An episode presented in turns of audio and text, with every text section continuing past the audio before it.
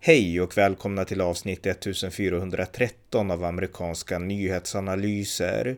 En konservativ podcast med mig, Ronny Berggren, som ni gärna får stödja på swishnummer 070-30 28 95 0.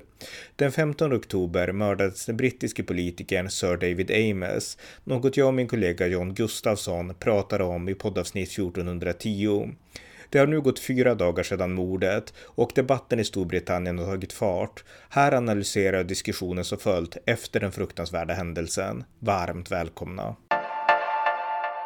Ja, det har nu gått några dagar sedan mordet på den brittiske politikern Sir David Amess som alltså höll ett möte eh, med sina väljare i en kyrka hemma i sitt valdistrikt när en 25-årig ung man eh, med somalisk bakgrund som heter Ali Harbi Ali gick in med en kniv i handen och högg ihjäl den här brittiske politikern Sir David Amess Och eh, han högg honom massa gånger och sen så 17 gånger tror jag till och med. Sen satte han sig ner och inväntade polis som kom och arresterade honom och han gjorde ingen motstånd då när polisen kom. Eh, och den här mannen då, han, han är nu arresterad. Han förhörs fortfarande av Säkerhetspolisen. Brottet är stämplat som ett terroristdåd och eh, den här personen har haft kopplingar, vet man, vissa kopplingar till något form av avradikaliseringsprogram för just de som har kommit in i islamisk extremism och liknande och han har funnits på radarn lite tidigare. Däremot så har vi inte fått några tydliga, liksom en tydlig utredning finns fortfarande inte om liksom det absoluta motivet och sådana saker. Så att det får vi vänta på även fortsättningsvis. Eh, han Eh, han växte upp i Storbritannien och det har nu också kommit en film på en, en säkerhetskamera, från en säkerhetskamera, när Ali Harbi Ali går till, eh, ja, till, till platsen för dådet. Eh, den övervakningskamera på en väg där man ser honom gå och man ser tydligt att det här är en somalisk man som, som vandrar på den här gatan. Och han går då i lugn takt för att komma till kyrkan där han då senare sticker ihjäl Sir David Ames. Och Eh, Eh, det som det hände efter det här dådet, det var såklart kondolianser eh, och eh, de kom in från alla möjliga håll, både från höger och vänster, någonting jag pratade om i mitt, i mitt förra poddavsnitt. Men även islamister gav sin syn på saken. Anjem Chaudhry, en av Storbritanniens mest kända islamister, som tidigare ledde Eh, Al-Mujahirun, den här förbjudna islamistgruppen som fanns i Storbritannien och som även eh, har suttit mer än sex år i fängelse för att han gav stöd och liksom lockade människor att ansluta sig till Islamiska staten. Han är nu fri, men han har också kommenterat det hela och han har sagt att det här berodde kanske på att Sir David Ames stödde Israel, har islamisten eh, Anjem Chaudhry sagt då. Eh, och sådär. Och eh, ja, vem vet om det är sant eller inte. Islamister drivs ju av sådana saker. Men han fick mycket kritik för att han sa så, Anjem Chaudhry. Men, men det är inte omöjligt att, att det var så att han faktiskt hade rätt där då. Men det, det får vi fortsätta att utreda.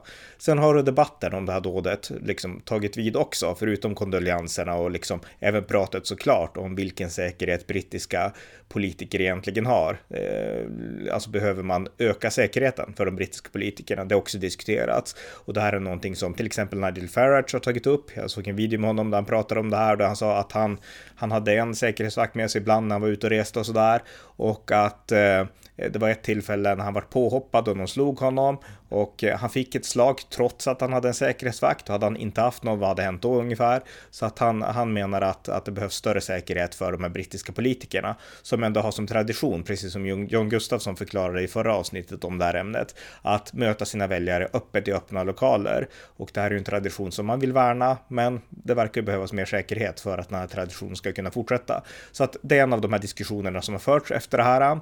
Men det som jag intresserar mig för och det som är föranledningen för den här podden, det är när man också har diskuterat varför har det här hänt? Och eh, som sagt, den här gärningsmannen Ali Harbib, eh, Harbibi Ali, han är ju nu eh, anhållen eh, misstänkt för terrorism, eh, islamisk terrorism. Och som sagt, han har haft en del kopplingar till sådana miljöer, tror man i alla fall, och det kommer utredas grundligt. Eh, men de diskussioner som har förts bland politiker och andra, det har handlat om att eh, det har varit ett för dåligt debattklimat på nätet och i andra sammanhang i, i Storbritannien.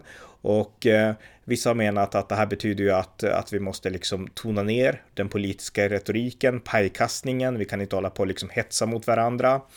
Och eh, det finns exempel på Labour-politiker som, som verkligen har hetsat och liksom drevat på mot konservativa och i viss mån så finns det också eh, eh, drev åt andra hållet.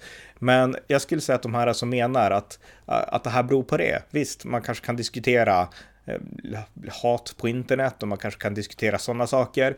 Men det blir en sidodebatt därför att eh, det var inte det som drev den här gärningsmannen, i synnerhet inte om han var en islamisk eh, fanatiker, utan han drevs av sina egna skäl, sina egen teologi, sina egna övertygelser. Det är det som driver jihadister. Och vi i väst, vi gör ett misstag om vi tror att deras ageranden beror på någonting som vi har gjort. Alltså om det beror på att, att vi tror att deras agerande beror på att vi har för högt tonläge, kanske invandringsfrågan, kanske liksom andra frågor eller att vi har för mycket pajkastning mot varandra och det låter Eh, när vi kastar paj på varandra så tror allmänheten att vi krigar och att vi vill liksom elda upp en folkpöbel liksom.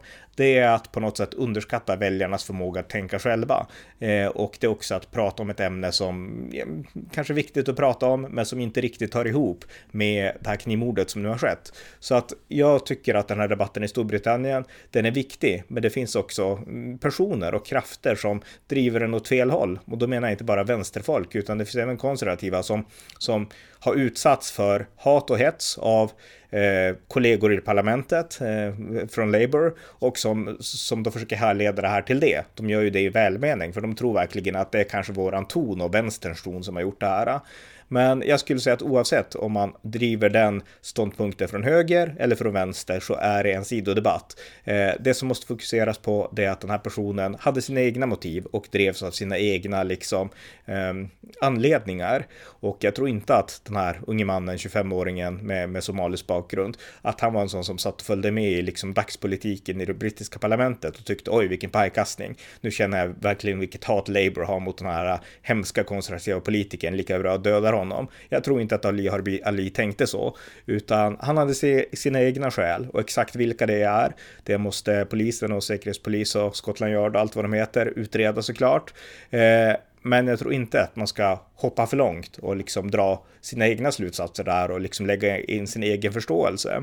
Sen förstår jag att man blir frestad att göra det, därför att den här logiken som finns hos islamister när de gör sådana här saker, den är ju helt obegriplig för oss västerlänningar, för vi tror inte som de gör, vi tänker inte som de gör och då försöker vi hitta våra egna förklaringsmodeller och då är ju såklart det här pratet om hat och hets på, på internet kanske, men även bland politiker emellan. Då kan det bli liksom den naturliga logiska förklaringen i vår liksom för föreställningsvärld. Men det är inte den logiska förklaring i, förklaringen i de här islamisternas föreställningsvärld. De har en annan utgångspunkt för sin logik och det är någonting som jag tror att vi måste komma ihåg. Och eh, med det här poddavsnittet vill jag egentligen bara säga det att det är viktigt att inte liksom trolla bort sig själv, även om man vill väl, utan Eh, vi måste verkligen förstå att de här tänker annorlunda och vi måste lära oss att förstå hur de tänker. För gör vi inte det, då kommer vi inte kunna stoppa de här galningarna, utan då kommer vi att ta till lösningar som skulle kanske stämma på människor som agerar utifrån vår egen logik, men som inte stämmer i förhållande till hur de här radikaliserade islamisterna agerar. Så att vi måste förstå dem, för det är enda sättet att stoppa dem och förhindra på förhand att sådana här fruktansvärda dåd sker. Så att, eh, ja, det var egentligen bara det jag tänkte säga som en kommentar då till den debatt som nu har pågått de här senaste dagarna. Och som sagt, den unge mannen, Ali Harbi eh, eh, Ali. Han, har, han är 25 år gammal, somalisk bakgrund. Han är nu också fångad på kamera och det verkar bli fler och fler bevis som, som binder honom till det här. Och eh, enligt brittisk lag så, så måste eh, polisen komma fram med tydliga bevis som kan knyta honom till, honom till det här för att få fortsätta hålla honom frihetsberövad. Så att jag hoppas att de jobbar på snabbt för att leta och hitta liksom eh, trovärdiga och liksom sannolika bevis eh, mot den här gärningsmannen helt enkelt. Så att det var det för den här gången. Det var avsnitt 1413 av amerikanska nyhetsanalyser. En konservativ podcast som kan stödjas på swishnummer 070-30 28 95 0 eller genom att via hemsidan stödja på Paypal, Patreon eller bankkonto. Det var allt för den här gången. Tack för att ni har lyssnat.